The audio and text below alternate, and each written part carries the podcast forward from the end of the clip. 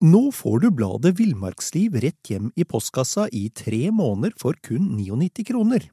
I Villmarksliv kan du lese om norsk natur, ærlige tester av klær og utstyr, og mange gode turtips skrevet av erfarne friluftsfolk, fiskere og jegere.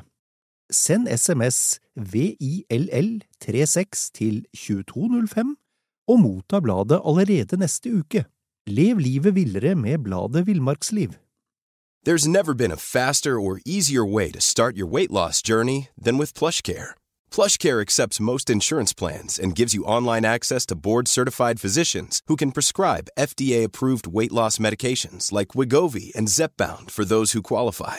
Take charge of your health and speak with a board-certified physician about a weight loss plan that's right for you. Get started today at plushcare.com slash weight loss. That's plushcare.com slash weight loss. plushcare.com slash weightloss.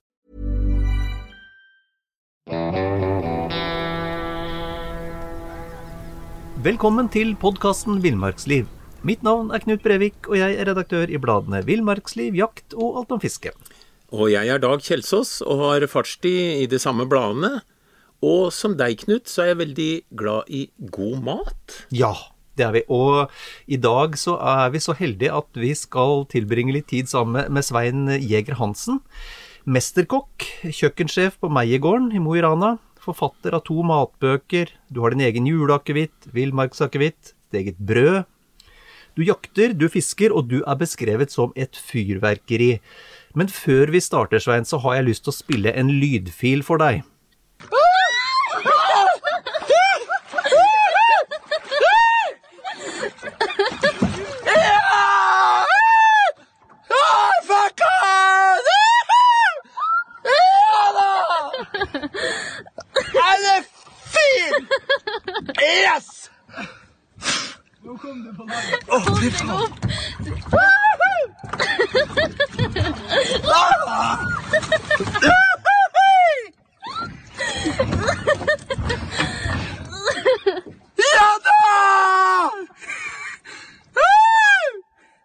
Svein, du er nødt til å forklare hva er det som skjer her. Jo, ja. For en eh, glede. Snakker om. Eh, var på hyttetur i med familien eh, og var og fiska og satt fast. Og eh, i Feplingdalen i Nordland så er jo vannet skikkelig klart og fint. Og eh, det som er viktig når du har fått en fisk på kroken, så må du gjøre alt for å ta vare på den. Og så var det en eh, tømmerstokk eh, med ei grein der jeg ser at fisken eh, er fast. Eh, prøver eh, alt. Eh, klarte ikke å få den opp. Eh, Dattera kom roende og lurer på om at jeg hadde satt fast, eller om jeg har fisk. Og det har jeg jo, da hadde jeg jobba i 25 minutter og følte at nå måtte vi ta noe grep. da. Så eh, jeg fikk henne til å filme, og så eh, ranga jeg av meg klærne og stupa uti. Eh, samtidig så sto Bodil, fruen, og ropa fra land at nei, nei, ikke hopp, ikke hopp, du har halsbetennelse, vi skal til Syden i morgen. da.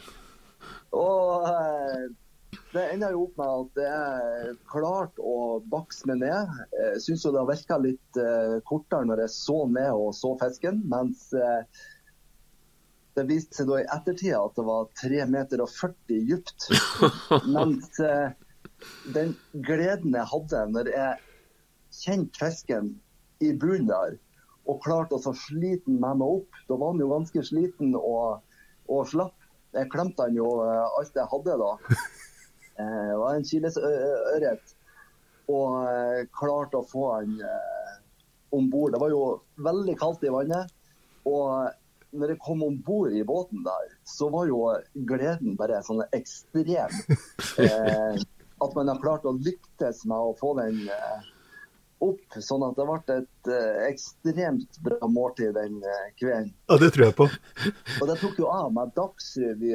Eh, fem millioner visning på nett, og det var folk som ringte fra USA. Og, så det Snakk om å bli kjent for en ørret. Ja, fantastisk. Fantastisk. Ja. Da har vi konstatert at du er sprudlende, men også at du har en veldig stor interesse for natur- og sportsfiske. Men hvordan begynte det hele for deg? Ja, du kan si eh, I barndommen så har jeg jo hatt en eh, bestefar som har bodd litt landet til. og Vi fikk lov å skyte med salonggevær. Vi fikk lov å eh, gjøre ting ute i naturen. Mamma og pappa har vært flinke og tatt oss med ut uh, på turer og fisketurer. Selv om vi kanskje ikke har drevet sånn med jakt. Eh, og så var det liksom at onkelen min eh, tok med meg at jeg fikk eh, skutt min første hare som 13-åring. Og satt sitringa i kroppen uh, når 9.9. og kompisene vi for i telt og gjorde oss klar til å få lov til å fære ut i skogen. Uh, da var jeg 14 og var under opplæring. Og det å få felle et vilt mm. Nå er jeg 48 nå, og den gleden med å få en ørret eller ei rype eller en elg eller eh, en fangst for at du har jakta og du har gleden av det du holder på med, mm. er noe som er fryktelig sterkt. Mm. Mm. Så interessen er med andre ord fortsatt helt på topp, og du har sikkert også ting du har tenkt å oppleve videre framover? Ja, Eh, det, det, er bare til pulsen eh, stopper å slå. Det er jeg 100 sikker på. jeg jeg snakka med en, en, jaktkompis av deg, Svein, og, og, bare for å få han til å gi meg et slags bilde av, av hvem han, han, oppfatter deg som. Og han sa at eh, og da sa han noe sånt som at jeg er litt usikker, men prøv å forestille deg en helt jaktgæren engelsksetter. Ja. Der har du den. ja, det er kanskje rette, rette ordene. Det er, og så tror jeg at jeg har en sånn her eh, fin sånn her evne til å inspirere andre til å kjenne på den gleden. Eh, jeg har jo òg vært flink og tatt med meg mye folk sånn at, som kanskje ikke har jakta, og som prøver å smitte over den her eh, lidenskapen. Mm -hmm. Det er artig. For du, for du ikke, ikke, bare fisker du og, og jakter, jakter, um, rype, du, du, jakter også storvilt, du Svein. Du gjør vel egentlig veldig Interessene dine er veldig brede innen jakt og friluftsliv og fiske? Ja. Jeg var jo som 17-åring, så skjøt jeg jo min første dublé på elg. Og eh, da var det jo mange år etter en annen at jeg fikk eh, dagen etter bursdag 29.9. så fikk jeg mellom ti på halv ti og ti over ti så fikk jeg skyte elg. Det var jo tilfeldig at jeg var med da. Men uh, så den, den, uh, den, kameratskapet og den lidenskapen du har i, i, fjellet med å oppleve naturen og fargen og klare å ta deg til det, mm. er noe som er fryktelig sterkt. Og det har vært noe opp gjennom årene som har fulgt det.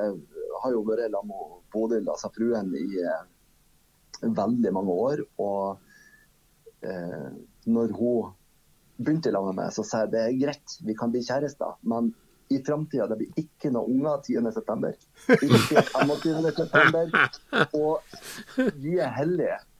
Og vi har vært liksom 28 år i lag og eh, godt gift. Men jeg tror hun òg skjønner at uh, det å gi meg uh, den friheten til å dyrke en sånn hobby Vi har ting i lag. Vi er på fjellturer, molter, bær. Glad i å være ute. Mm. Så uh, og så vidt jeg skjønner, så du, du, er en mann som ikke forandrer på noe som funker. Du har altså den samme kona etter 28 år, og så vidt jeg vet, så har du også de samme, samme jaktkompisene, i hvert fall på elgjakta. Ja, eh, som sagt 17 13 år var jeg første gangen. Og det er klart eh, Det å møtes og det å ha dialogen Nå har vi jo fått eh, Harald og, Hans altså nytt inn på eh, jaktlaget, som er Nå bor jo de i Mosjøen, som er fødebyen min, og så bor jo jeg i Mo i Rana. Eh, og det er jo ikke så langt unna, og vi har eh, fantastiske områder. og eh, det å være en, en fast gjeng eh, på fem-seks stykker som møtes eh, årlig til enkel eh, lunsj i skogen og treretter som kveldene.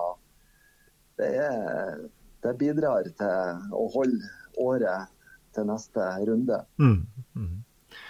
Det har også blitt, blitt, latt meg fortelle at Vi skal jo snakke mer om, mer om, om, om viltkjøtt og deg som kokk etter hvert, men det har blitt latt meg fortelle at du i mange år naturlig nok lagde mat til disse gutta, men på et eller annet tidspunkt så bestemte du deg for at vet du hva, nå, nå skal flere få lov til å bidra på matfronten her?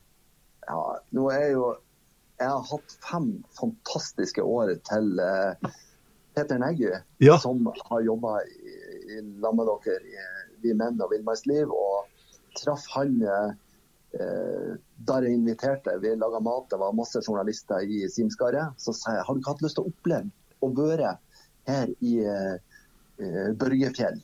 Og da hadde han ikke tatt jegerprøven. Og jakta fem år, laga reportasjer. Vi har hatt masse i Vi menn og villmarksliv. Og så var det jo han som liksom sa faen, Svein. Eh, hvorfor er det bare du som eh, lager maten? Eh, ja, det har liksom vært sånn. Jeg har forberedt eh, lunsj, eh, frokost, middag i alle år. Og så har du en Harald Alvoksen som eh, er en god venn her på Moda, og så sa han nei, Svein, det her er jo bare tøv. Vi må jo få alle til å bidra. Og så var det til at de jaktturene med Neggy gjorde til at det skjedde i de her tidsrommene der vi skulle opp mot elgjakta. Og uh, da var det jo litt sånn naturlig da at uh, de overtok, så ikke jeg skulle måtte bruke enda flere feriedager. Mm. Mm. Du bruker... Og, mat. og de har vært kjempeflinke. De står på, de er stolte, de står på kjøkkenet og de koser seg. og det er artig å bli servert. Sjøl som kokk, det er veldig bra å få eh, måltidene eh, servert. Du bruker mye tid på å lage mat, eh, men også veldig mye tid ute. Hva er de beste opplevelsene du har hatt ute, f.eks. på jakt? Eh, ja, da tenkte jeg utenom når jeg skal ut eh, 17-spiringen. Ja, ta, den, ta, den, ta, ta, noen detaljer der først, du.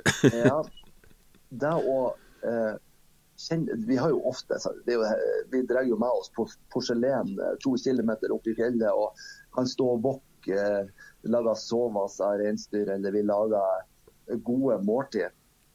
Men eh, det å lage eh, grop, altså bålgrop, og tilberede eh, lammelår eller eh, elg eh, som du tar opp og åpner pakken og kjenner lukta. og Gleden med å ha tilberedt noe først med bål. Og det er jo tilfeldig at vi da sitter og nyter en liten skvett med villmarksakevitt. eh, da, da, er det liksom at uh, måltidet er i fokus. Mm. Og det er litt sånn her Det er litt godt. Mm. Det smaker bedre ute? Absolutt. Veldig. Så det mat gjør folk glad. Mm, mm. Men Svein, vi gir oss ikke. Vi, vi er eh, både Dag og jeg elgjegere, vet du. Og vi har hørt om denne 17-takeren din, så den må, du, den må, du, bare fortelle om. Ja, eh, jeg vet ikke om jeg vil kalle det for ei straff, men eh, nå skjøt jeg jo ei elgku dagen før. Jaha. Og så eh, prøver vi å fordele sånn at eh, alle skal få prøve å skyte i løpet av en sesong. ikke sant? At man eh, alle har jo lyst til å skyte. Eh, og så skulle jeg sett på en sånn her eh, idiotisk bakpost. ikke sant? Eh, sola skinte, og vi hadde en jelku på ni måneder. Første gangen at vi skulle slippe han løs. Og eh, Tor Kenneth eh, slipper hunden, og postrekka eh, står klar. og Hunden begynner å sprenge ned lia og bjeffer og bjeffer og bjeffer. Så ble han litt usikker på om at fakeren er Jeg vet ikke om han eh, aldri vært løs før, og kanskje at han er redd for at han kommer seg bort. eller og så gikk jo losen videre mot uh, postrekka, og 150 meter før postrekka så stoppa han, og så ble det helt stilt.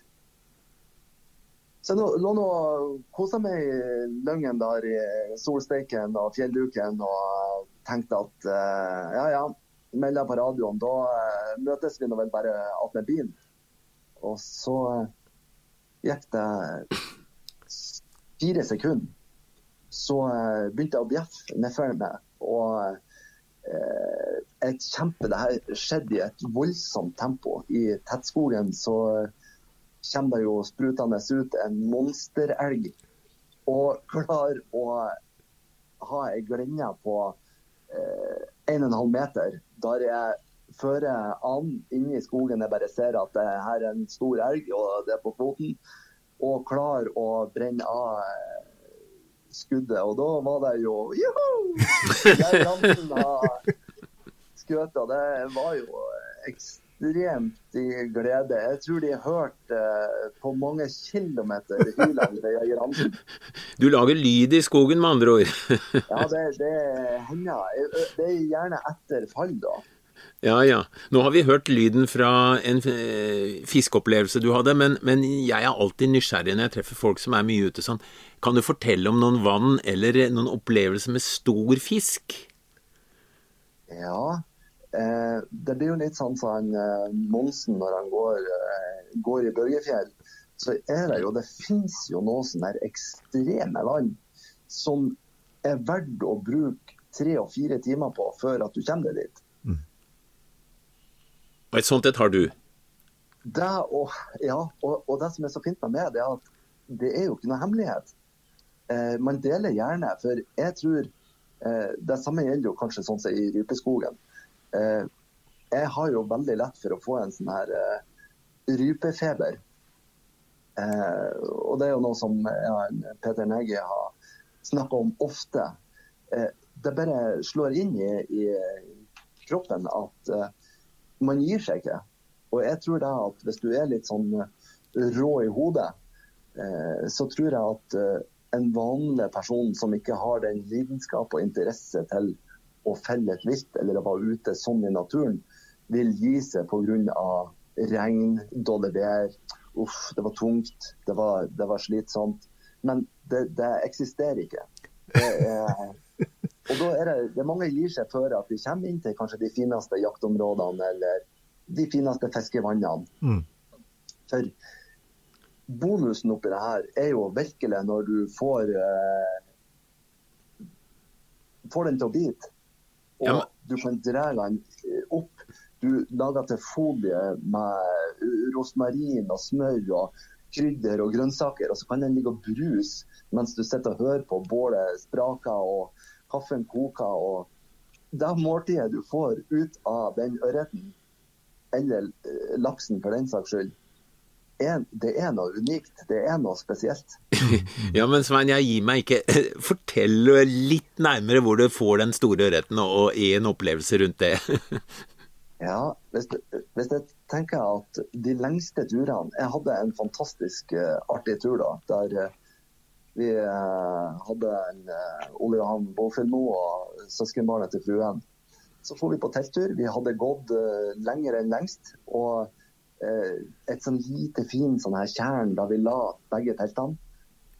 vi ordna med bål og vi hadde rigga oss skikkelig til. Og så begynte vi guttene å fiske. Eh, og så bytta vi. Eh, det var kanskje, jeg syns jo at han, Ole Johan hadde kanskje en litt finere eh, plass eh, oppå på Bæråsen, kaller vi det, for å ha stedet rett. Så eh, hadde han en sånn veldig fin plass. Sånn at når han var og skulle hente noe i sekken sin, så gikk jeg og stilte meg på akkurat hans plass. Sånn tilfeldig. Og så eh, måtte han stille seg litt lenger bort, og vannet var helt sånn speil. Eh, sola begynner å gå ned. Eh, det er vindstille. Eh, du hører at eh, damene koser seg og har det bra. Bålet spraker. Og hiver eh, ut. Og akkurat i et sånn bak som kom, så ser jeg jo at kroken og tømmen, så detter han akkurat oppi den ringen av bak. Akkurat. Og så tenkte jeg ja, ja. Nei, nå eh, setter vi eh, Vi må gå og drikke litt kaffe sammen med dama. Og så setter vi jo ned stengeren nå, da. Og så eh, ser vi jo bort over vannet sånn her. her. Og så er jo stanga helt eh, ekstrem. Og da viste det seg jo at eh, det beit på en eh, godt over kilo. Og hadde, det var mark du brukte, med andre ord, siden han beit mens du var borte? Ja, Ja. Mm. Mm. Og for en ekstrem eh, opplevelse. Det å få den rett opp, ut med innmaten og fylle den med masse godsaker, også på bålet. Det er, det er sånn, det her er fire-fem år siden, og den historien sitter ennå som en sånn her eh, Du får lyst til å dra ennå på tur. Du vil eh, neste år og neste år. Og det er det som skaper energi til at du vil eh, bidra videre. Og kompisen har godtatt at du rappa plassen? Ja, jeg fikk jo litt kjeft at det var en av hans eh, ørret, men eh, han fikk jo spise halvparten, så da var det godkjent. Men vet du hva som slår meg, Svein? Eh, eh, Når du skildrer både, både jakt og fiske, så forstår jeg at for deg så er dette én helhet. Altså det både jakta og fiske og matopplevelsen er på en måte en helhet for deg. Jeg har vært nå her på Scandic Megården siden 20.6.1994. Og vokste opp hjemmefra med utrolig mye god mat eh, fra mamma og eh, barndomsminner som har gjort at eh, mat har vært en lidenskap. Og her på Megården i 27 år som kokk og kjøkkensjef, det er, du har ikke vært i et sånt her yrke hvis du ikke har hatt eh, en ekstremt kjærlighet til det du holder på med. Mm. Fordi, fordi, og det bringer så naturlig opp på det her med mat, for du har jo blitt, eh, har jo blitt selve villmarkskokken eh, av, av flere årsaker, men du har jo bl.a. skrevet den fabelaktige boka Jeger Hansens villmarks kokebok, med hele 6000 solgte eksemplarer, så vidt jeg veit. Du er reinsdyrambassadør, du har, du har hatt egen matspalte i Villmarksliv. Og du er veldig aktiv og utadretta eh, på messer og i andre sammenhenger. Jeg tenker, er det, er, er det, er det planlagt, eller har på en måte veien blitt til mens du har gått? Jeg, jeg tror at det her er ekte kjærlighet som synes gjennom det man får lov til å holde på med. Eh, nå har jeg vært ikke sant, da, at du blir eh, no, altså, reinsdyrkokken i Norge. Første gangen du i Tronte under 100-årsjubileet til samene. Og så få en tittel eh, utnevnt for et eh, produkt som du er så glad i. Mm. Eh, tørrfisken fra Nord-Norge og eh, det at du er stolt av en region og den maten. Eh, det, det å jakte og høste og en kombinasjon av det du kan få på tallerkenen. Jeg har klart å sett at gjestene får en glede med å ha den lille historien og den bakgrunnen. Den Villmarkskokeboka har jo vært et eventyr. Fantastisk eh, designere her på Eggmont og Halvard Lunde som har gjort en kjempejobb. Vi fikk eh, 230 sider med eh, matformidling, historier. Peter Negge har skrevet enorme, artige eventyr eh, om Jeger Hansen og minner følelsene når eh, både han fikk eh, skyte sin første rype i lammet med, og den gleden eh, Jeg ble jo kanskje enda mer glad enn det han var. Men det å klare å spre det her over på eh, personer, og få lov å jobbe med folk som eh, har samme lidenskap, Mm. er utrolig artig. Mm. Knut og jeg har en lidenskap felles med deg, det er ikke noe å lure på, det er jakt og fiske. Men eh, Knut, vi skal vel innrømme det, vi er kanskje ikke helt på topp når det gjelder å gjøre det helt riktig og lage maten og ta vare på viltet sånn vi kanskje kunne gjort. Har du, Svein, noe å si oss og andre når det gjelder f.eks. fisk? Hvordan skal vi klare å beholde det beste av smak på fisken fra vi fisker den i vannet og til han er hjemme og, og på middagsbordet til slutt? Jeg er jo veldig heldig som har den kokkebakgrunnen. Den har jo jeg hatt veldig glede av og nytte av. Eh, når jeg får fisk, så er det det første du må tenke på. Det er at du er renslig. Eh, du må eh, ta ut innmaten, tappe den for blod så snart som mulig. Og så må man få bort eh, blodrander som ligger i midten, sånn at man eh, ikke har noe sånne her uh, ulumskheter som blir liggende. Det er, renhold er viktig. Og så tror jeg òg at uh, hvis man er langt på fjellet som sagt, og får uh, mange kilo ørret, så er det jo å ta vare på den, lage filet. Eh, legge den i brødposer, eh, også kanskje i ei våt myr. For å holde den eh, i en varm sommerdag, så er det jo, eh, vet man jo at temperaturen kan være litt for varm i forhold til eh, råvarer. Og der er jo også, Hvis man tenker på eh, jakt med ryper, er det 20 varmegrader og man lar rypa henge for lenge, så er det heller ikke bra. Eller eh, storvilt. Så det er viktig å tenke på eh, når man slakter, nå går det jo over på i forhold til fisk og kjøtt. Når man slakter, man går i skogen, man har jaktklærne på seg. Eh, kanskje at eh, buksa ikke er helt ren, jakken ikke er helt. At når man eh, flår og er borti kjøttet Det er jo blitt kanskje mer moderne i dag at man kan bruke engangshansker eller sånne ting. Mm. Men at man òg er bevisst på at eh, de som slakter på fjellet, at man ikke griser med klærne borti. For Plutselig så jakter du over flere dager, skyter flere dyr, og så er det spor av om det er tarmbakterier eller eh, ting fra blod til eh, som kommer borti ferskt eh, kjøtt. Mm, mm.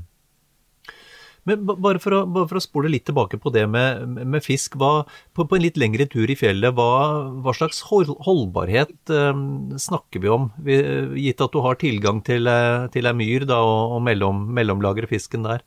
Ja, det, det er klart, Har man eh, litt salt i tillegg, så gjør jo det òg til at holdbarheten blir litt lengre. Hvis man drøsser et lett lag eh, drøss med salt, Mm. så er det jo òg med å konservere på en måte. Jeg tipper jo òg at eh, de fleste ligger vel kanskje ikke mer enn to-tre dager. Begynner å bli over ei uke i fjellet, så bør man kanskje være flink å steke eh, fileter underveis eh, når man holder på. Mm, mm. Å legge ned grave, og graven med salt og sukker, det vil vel også kunne Ja. føre til at den varer? Ikke sant? Og så blir det jo tross alt et godt produkt Ja. i ettertid. Mm, mm. når man holder på. Så det er gode tips. Altså ikke legge fisken liksom, ned i bakken med jord eller sånne ting. At man eh, er litt uh, forsiktig når man tar vare på den. Ja. Mm. Ja. Hvis vi spoler over på, på vilt, viltkjøttdelen, um, hva og, og du har vært inne på det her med, med renslighet i forbindelse med, med oppgjøring av slaktet. Hvilke andre ting er det viktig å, å ha i mente, eller hva gjør vi ofte feil etter din oppfatning eh, når det gjelder, eh, når det gjelder eh, behandling av viltkjøtt? Det, det som er viktig, det er jo temperaturer. Det at ting får luft. Det er jo veldig eh, ofte at eh, på høsten, hvis det er mye regn, så er det gjerne at du får ei litt glattere hinne. Mens er det at det er sol og vind, så får du ei mørkere hinne på kjøttet. Mm. Eh, Det som er viktig uansett regn eller ikke, det er at eh, kjøttet får luft. At det ikke ligger på bakken. Du må gjerne henge det opp. Eh, Hvis vi er på de her lange avstandene, så kan det godt hende at vi skyter, og så henger det opp i skogen, og så henter vi det eh, noen dager etterpå. Mm. Eh, det at det får eh, henge av seg og renne av seg, eh, er bestandig bra. Er det at du skyter på vinteren i snø og sånne ting, eh, er det frost og du henger opp dyret, eh, og at det begynner å fryse, så stopper du jo mørningsprosessen. Og det er jo ikke sånn sett bra.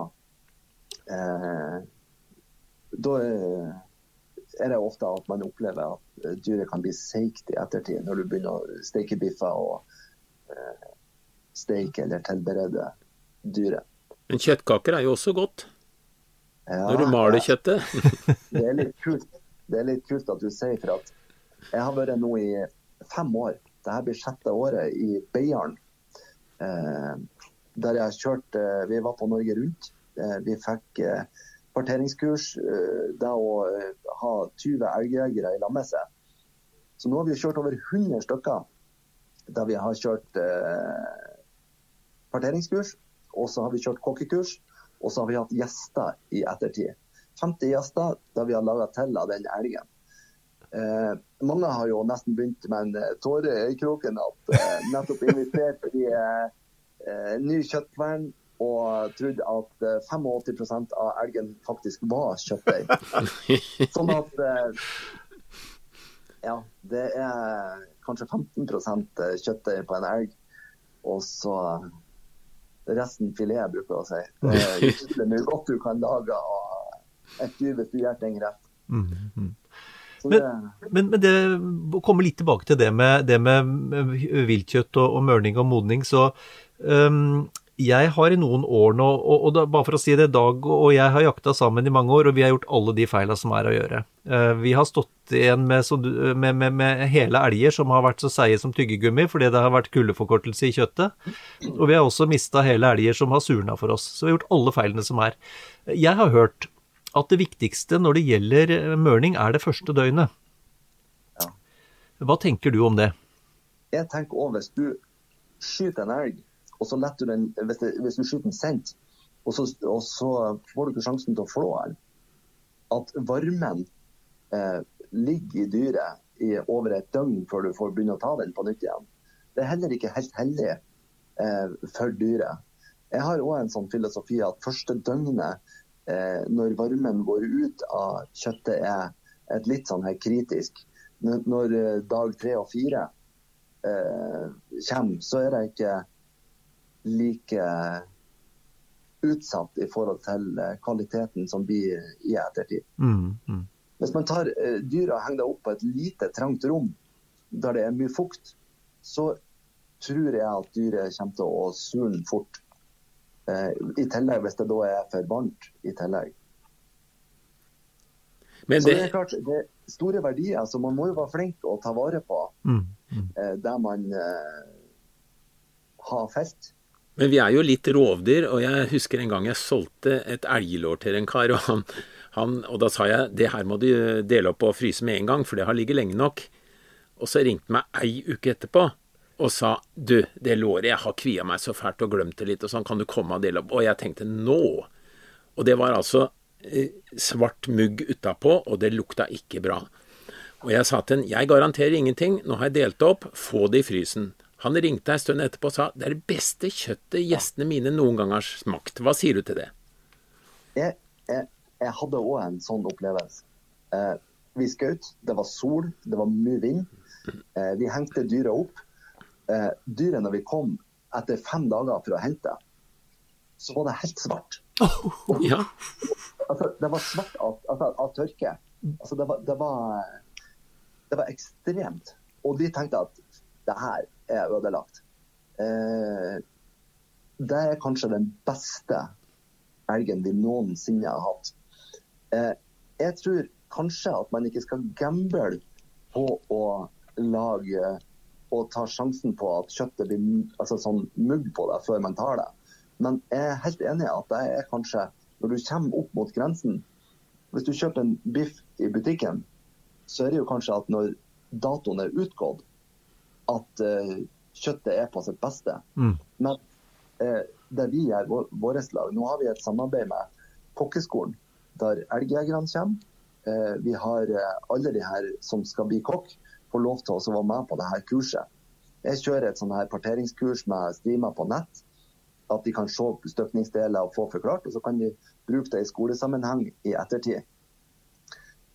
Så ser man hvordan man tar vare på dyret. Og når jeg da får biffene, eh, om det er kjøttet, om det er de forskjellige typene, eh, bortover, så vakuumerer vi, og så lar vi det ligge temperaturstyrt på fire grader i vakuum, da det får ettermørn.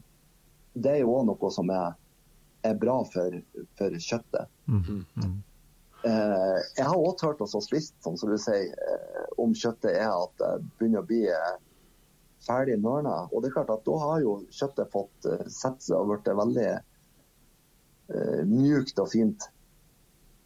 Men uh, det bør ikke være mugg på det. Nei, nei. Men, men hva, hva, du er jo kokk, og du er jo proff, proff på dette. Hva, måler du temperatur i slaktet, eller bruker du nesa di og lukter deg frem til når det er mørkt? Altså, hva, eh, hvordan gjør du det i praksis, Svein? I praksis så er det jo de fem første dagene som regel ute i skogen. Og så har vi over på kjøl kontrollert i ettertid. Mm. Men man kjenner jo på lukta. Hadde jeg hengt i 14 dager og at det begynner å bli stram lukt, så tar man jo de grepene som er. Ofte ser man jo at hvis man klarer å henge opp eh, elgen og få bort alt av blod og sånne ting, det er jo sånne områder som kanskje er mest kritisk. Eh, at, det, at, det, blir bakterievekst eller i skuddsåret eller sånne ting. For får du blod og at det blir noen urenheter, så det er jo det som gjør til at du kan få eh, sånn her hvitmugg eller eh, mugg. Men som, er det noe inni buken. Man ser jo kanskje det aller oftest på hare som blir hengende. For at de blir såpass tett eh, at det kan bli litt sånne små hvite. Men i utgangspunktet så er det jo våt uh, fille og så få tørka det bort. Hva, hva, tenker du, og det her er spennende, nå har vi Proff med oss. Hva tenker du om bruk av vann um, inni f.eks. elgen? Nå snakker jeg ikke om utapå, men inni, inni bukhulen, hvis det er blitt et eller annet der. Hvis du har vannskøte, mm. og, og, uh, det, og, ofte er det jo en bekk i nærheten, så jeg mener det er bedre å få skøla bort eh, hvis det er ille, istedenfor at du skal ha den smaken i ettertid. Du ødelegger ikke kjøttet om du har vann på det. Eh, det våre jaktlag er flinke til, det er at eh, i, i eh, vomma så er det jo ofte at det blir en del blod. Og det er òg kanskje eh, dyrets egen eh, vann for å klare å tørke bort. Så I utgangspunktet så har jeg eh, som favoritt å bruke Eh, blodet som ligger inni. For det er òg fint å bruke til å vaske. Mm. mm. Men jeg er 100 for at man kan bruke eh, vann. Eh, det er klart, på høsten som regel så er det jo mye vann i bekkene. Og, og da er det jo ikke noe sykdom. Det kan jo være hvis det er harepest eller om det er lemenår eller sånne ting. Men Men da skal det jo være litt sånn uheldig oppi det hele. Mm. Men sånn vann på, på, Det er jo at man ikke avkjøler dyret så fort. Altså dupper hele elgen mm. ned i elva og, og vaske den, for det mm. trenger man ikke. Nei. Man får bort eh, gørret som er der. Ja. Og da, da, må jeg likeledes spørre, du er jo en hengiven eh, rypejeger. Eh, hvordan henger du ryperne dine? Henger du dem opp eller ned? Nå får du bladet Villmarksliv rett hjem i postkassa i tre måneder for kun 99 kroner. I Villmarksliv kan du lese om norsk natur, ærlige tester av klær og utstyr, og mange gode turtips skrevet av erfarne friluftsfolk, fiskere og jegere. Send SMS VILL36 til 2205 og motta bladet allerede neste uke. Lev livet villere med bladet Villmarksliv. There's never been a faster or easier way to start your weight loss journey than with PlushCare. PlushCare accepts most insurance plans and gives you online access to board-certified physicians who can prescribe FDA-approved weight loss medications like Wigovi and Zepbound for those who qualify.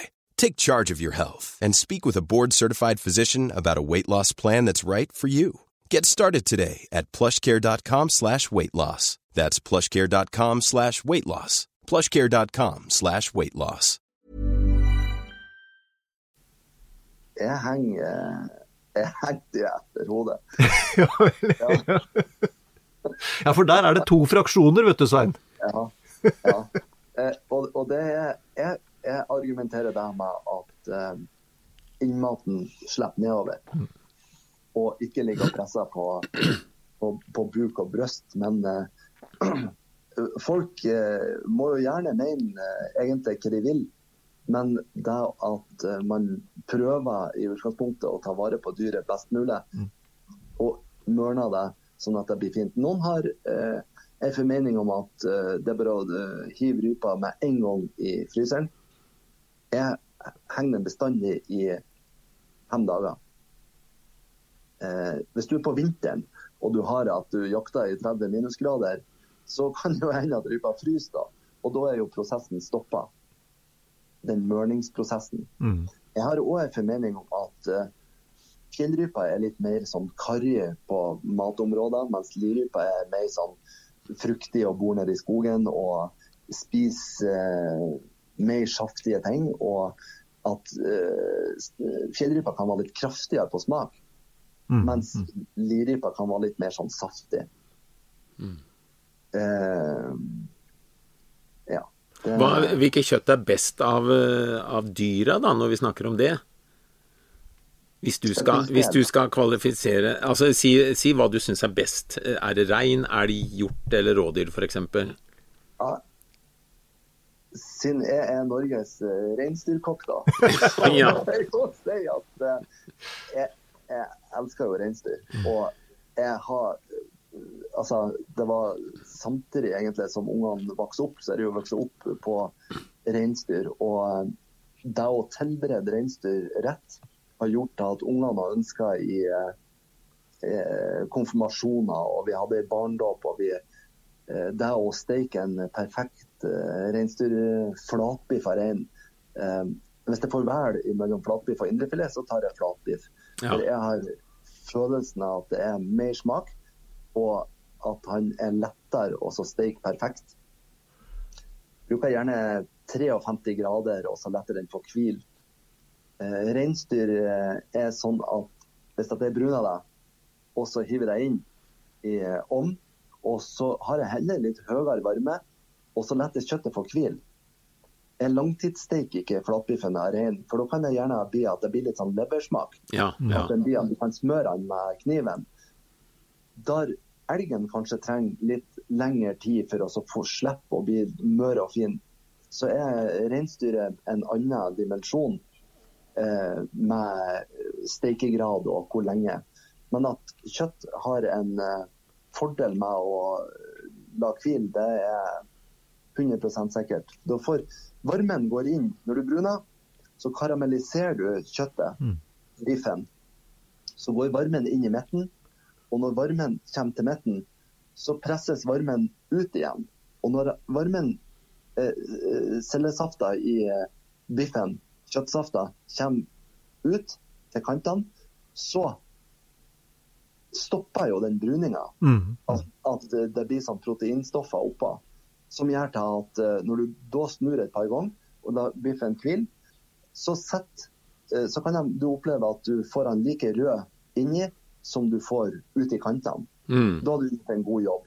Hvor lenge lar du den hvile da, Svein? Ja, jeg bruker å si så når jeg, eh, Hvis det er steik, eh, at jeg ikke bruker ovn eller helsteik eller sånn her, hvis jeg lager biff, bruner biffen, legger den til sides, og så bruker jeg jo samme panna med kraft og smak og eh, tilsetter eh, grønnsakene. Og når jeg har stekt grønnsakene, så har det gått en sånn åtte-ti minutter. Ja.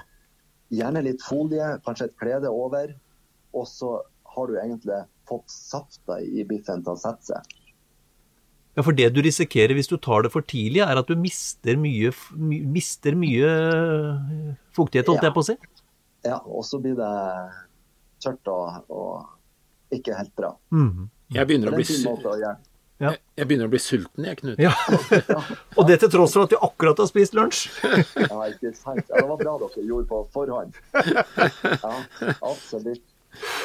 Um, det, men det jeg tenker på, du, så, du er jo blitt ja, som sagt selve villmarkskokken og, og mange gode grunner til det.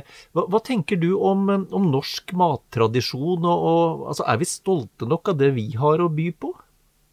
Jeg føler jo at vi er, er stolte av de mattradisjonene vi har.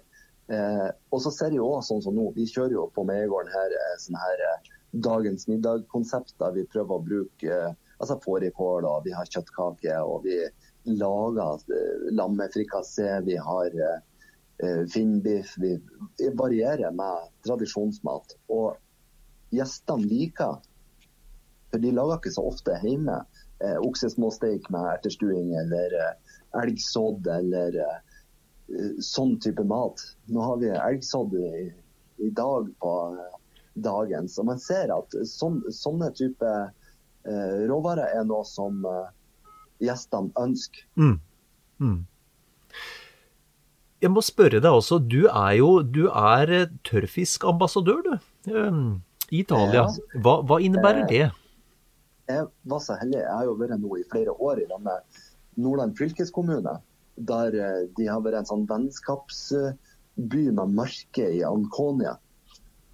Og eh, der har jeg vært så heldig. Jeg har fått med meg råvarer fra Nord-Norge og fronter. Eh, Jeg var i Maison mat og vin for noen år siden og laga tørrfisk. Og så hadde det vært sånn at jeg har fått en sånn glede. Det er jo ikke bare vilt, men jeg har en fin evne til å kan tilberede flere typer råvarer. Så jeg kom nedover dit og var med i en sånn konkurranse der nede. Der vi hadde store kjeder, og det var eh, heder og ære. Og, og det å komme nedover dit og eh, servere gjestene en sånn ekstremt uh, høy kvalitet. Jeg hadde med meg uh, tørrfisk fra Halvårs i Tromsø, som er unik. Altså det er det, den glede jeg kjenner at jeg blir stolt, og gjestene blir stolt, og italienerne var stolte. Altså det, det, det, det, er tøft. Da var jeg fra Norge. Det er eksotisk. Vi er heldige som bor i Norge og har så mye flott rundt oss. Ja. Men hender det at du helt ærlig spiser en hamburger av rødt kjøtt importert til Norge? det er litt artig at du spør, for at en gang i året eh, Det er som regel eh, første eller andre, andre januar eller noe sånt her når ungene kommer hjem fra studiet. Så har det vært sånn at en gang i året så har de fått en sånn opplevelse. Og så er det helt greit å vente neste år før man får den opplevelsen på nytt. men, men, men, det må jeg si, og her Jeg er helt enig med deg, og jeg skal ikke, ikke fortelle deg noe som helst om mat, men, men, det vi har funnet ut i vår familie, er at uh, det mest populære, det foretrukne måltidet, det er, det er hamburgere av rent elgkjøtt. Fantastisk godt. Lager du, ja, ja. lager du fra grunnen av. Ja. Jeg, jeg og Bodil, vi bruker søndagene på vinteren til å produsere dagens. Da kan vi lage så vi har 20 dager med elgkarmonade eller sånne ting. Lapskaus eller og tilberede viltet. Så det kan man ha i fryseren også. Og gode sånne viltburgere er jo knallgodt. Mm. Mm. Ja. Jeg må bare, Vi, er nå, vi snakker jo om, om, om mat, og bare, bare sånn Tidligere så var det jo, da jeg vokste opp, og det er, det er litt, litt stykke tid siden, men, eh, men da skulle alle bli, bli fotballspillere eller rockestjerner. Nå har jeg inntrykk av at kokkeyrket er, det er stigende popularitet her. Hva tenker ja, det, du om det? Jeg tenkte 100 rett. Eh, det å være med å formidle eh, et budskap med råvarer til gjest, er jo kanskje den bonusen. Og det er klart det er utrolig mye flinke kokker i Norge som er flinke til å bruke eh, av de råvarene og sette farger og smak. og Det er med å løfte regionen. Og så er det jo bestandig sånn at uh, er du en uh, god kokk, kokk og uh, kan formidle noe på tallerkenen som sprer seg til noe positivt, så er det ikke tvil om at kokkeyrket er mer populært enn mange år tilbake. Mm. Vi må vel tenke på å, å runde av etter hvert her, men, men, jeg bare lurer på par ting. Og, og, det ene er uh, hva, hva, er det du aldri reiser på tur uten å ha i sekken, Svein? Jeg, er jo veldig glad i uh, det å ha med en kniv. ja, det jeg kan jo få brukt her. Ja, ja det. og så er det jo at uh, på kortetur eller småturer, så er det jo òg ofte at jeg har med kaffe altså kaffekjele og det å få kaffe på bål. Eh, vi er flere kompiser her på Mo som uh, ukentlig møtes og drar på enten kaffetur eller skitur eller gangertur. Det, man høster urter og sånne ting av naturen, og så er den kaffekosen veldig behagelig. Ja, ja. Så fyrstikker er også en del av det viktige utstyret i sekken, skjønner jeg da? Ja, det, du, må ha komplett eh, utstyr. Det ja, ja. Mm. Hva med, hva med, Nå er vi jo eh, et stykke inn i 2021. Hva blir, hva blir årets høydepunkter for deg eh, i år da, Svein? Ja, nå, sjøl i de her merkelige dagene, da, så jeg skal være helt kjapp. Jeg, nå har jeg jo faktisk tre høydepunkt. Jeg lanserer jo nå etter påske Jeger Hansens uh, villmarksbrød med saftig gulrot. Mm. Og det kommer uh, ut i de fleste butikkene over hele Nordland Ikke bare Helgeland, men eh, Nordland som er området. Og det ble knallbra. Så er liksom, når du kommer ut med et produkt eh, til en forbruker, så er det jo bestandig litt sånn kritisk. Men når du får noe som du virkelig er at det her er du stolt av. Eh, og så var jeg med guttene i Jegerpodden. Det er Jon eh, Petter Meldingen, eh, Jon Inge Vik og så han eh, Magnus Hestegrei. Der vi skal lage fire episoder for en ny naturkanal. Det er litt kult at jeg får lov å være med på et sånt program. Ja. Og spre energi og glede. Og siste høydepunkter, det er når du har vært og høsta naturen eh, med kompiser og alt sånt som det her, så er jo villmarksakevitten, som jeg har blitt en av Norges største lokalakevitter. Og den er bestemt nå at den kommer i sånn PET, altså panteflaske med sånn miljøvennlig, med 07 til høsten. Samtidig at en jul på Helgeland som fikk eh, VG og Dagens Næringsliv eh, med de urtene her fra Nordland til å bli på 07 flasker til høsten. Så det, det fine høydepunkt. Dæven. Du går et spennende år i møte. Absolutt. Og forhåpentlig masse jakt og fiskeglede underveis. Det høres bra ut. Ja, Det er jeg sikker på at det blir, Svein. Tusen hjertelig takk for en hyggelig prat. ja sjøl takk. Tusen takk for at dere eh, hadde lyst til å ha med meg på podkast. Setter pris på. Tusen takk skal du ha, og jeg kommer innom deg hvis jeg skal nordover på fiske eller jakt. Da er dere veldig velkommen. Det her blir kult. Takk skal du ha.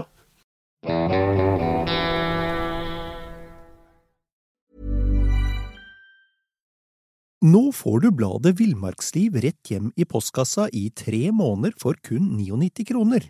I Villmarksliv kan du lese om norsk natur, ærlige tester av klær og utstyr, og mange gode turtips skrevet av erfarne friluftsfolk, fiskere og jegere. Send SMS VILL36 til 2205 og motta bladet allerede neste uke. Lev livet villere med bladet Villmarksliv. Imagine the softest sheets you've ever felt. Now imagine them getting even softer over time. That's what you'll feel with Bowl and Branch's organic cotton sheets. In a recent customer survey, 96% replied that Bowl and Branch sheets get softer with every wash. Start getting your best night's sleep in these sheets that get softer and softer for years to come. Try their sheets with a 30-night guarantee. Plus, get 15% off your first order at bowlandbranch.com. Code BUTTERY. Exclusions apply. See site for details. Mom deserves the best, and there's no better place to shop for Mother's Day than Whole Foods Market. They're your destination for unbeatable savings, from premium gifts to show-stopping flowers and irresistible desserts. Start by saving 33% with Prime on all body care and candles. Then get a 15-stem bunch of tulips for just $9.99 each with Prime. Round out Mom's menu with festive rosé, irresistible berry chantilly cake, and more special treats. Come celebrate Mother's Day at Whole Foods Market.